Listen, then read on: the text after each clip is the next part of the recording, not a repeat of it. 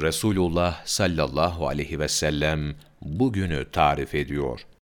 Sizden sonra öyle insanlar gelecek ki, türlü ve zevkli yemekler yiyecek, renkli ve rahat binitlere binecek, rengarenk ve güzel kadınlarla evlenecek, kat kat ve nefis kumaşlar giyecektir. Onların bir mideleri var ki, az ile doymaz. Onların bir istekleri var ki, çoğa da kanaat etmez. Dünyaya bağlanmışlar, akşam sabah düşündükleri ve taptıkları dünyalıktır. Onu Allahu Teala'nın dışında ilah ve Rablerinden başka Rab kabul ederler. Bütün çabaları dünya içindir. Yalnız heva ve heveslerinin peşinde koşarlar. Abdullah'ın oğlu Muhammed'in sallallahu aleyhi ve sellem kat'î sözü şudur ki, sizin veya onların peşinden, sizden sonra veya onlardan da sonra gelenlerden o güne yetişenler, bunlara selam vermesin. Hastalarını ziyaret etmesin. Cenazelerine gitmesin ve büyüklerine hürmet göstermesinler. Zira bunları yapanlar, İslamiyet'in yıkılmasına yardım etmiş olurlar. Taberani, Ebu Ümame'den rivayet etmiştir.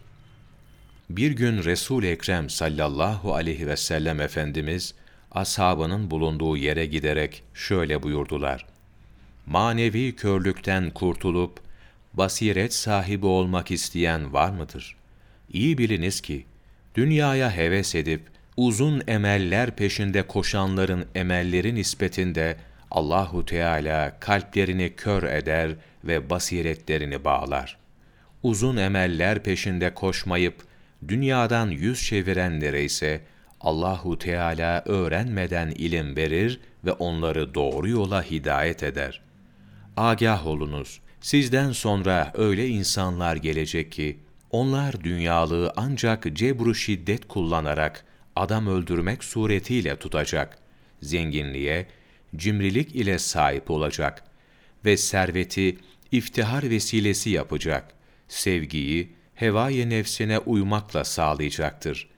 sizden bugünlere erişip de servet sahibi olmaya muktedir olduğu halde fakirliğe sabredenler hevayı nefs yoluyla sevgi teminine muktedirken bunu yapmayıp husumete tahammül edenler yine böyle gayri meşru yollardan ululuğa kudreti var iken zillete tahammül edenler ve bunları yaparken yalnız Allah Celle Celaluhu rızasını düşünenlere Allahu Teala sıddıklarından 50 kişinin ecrini yazar.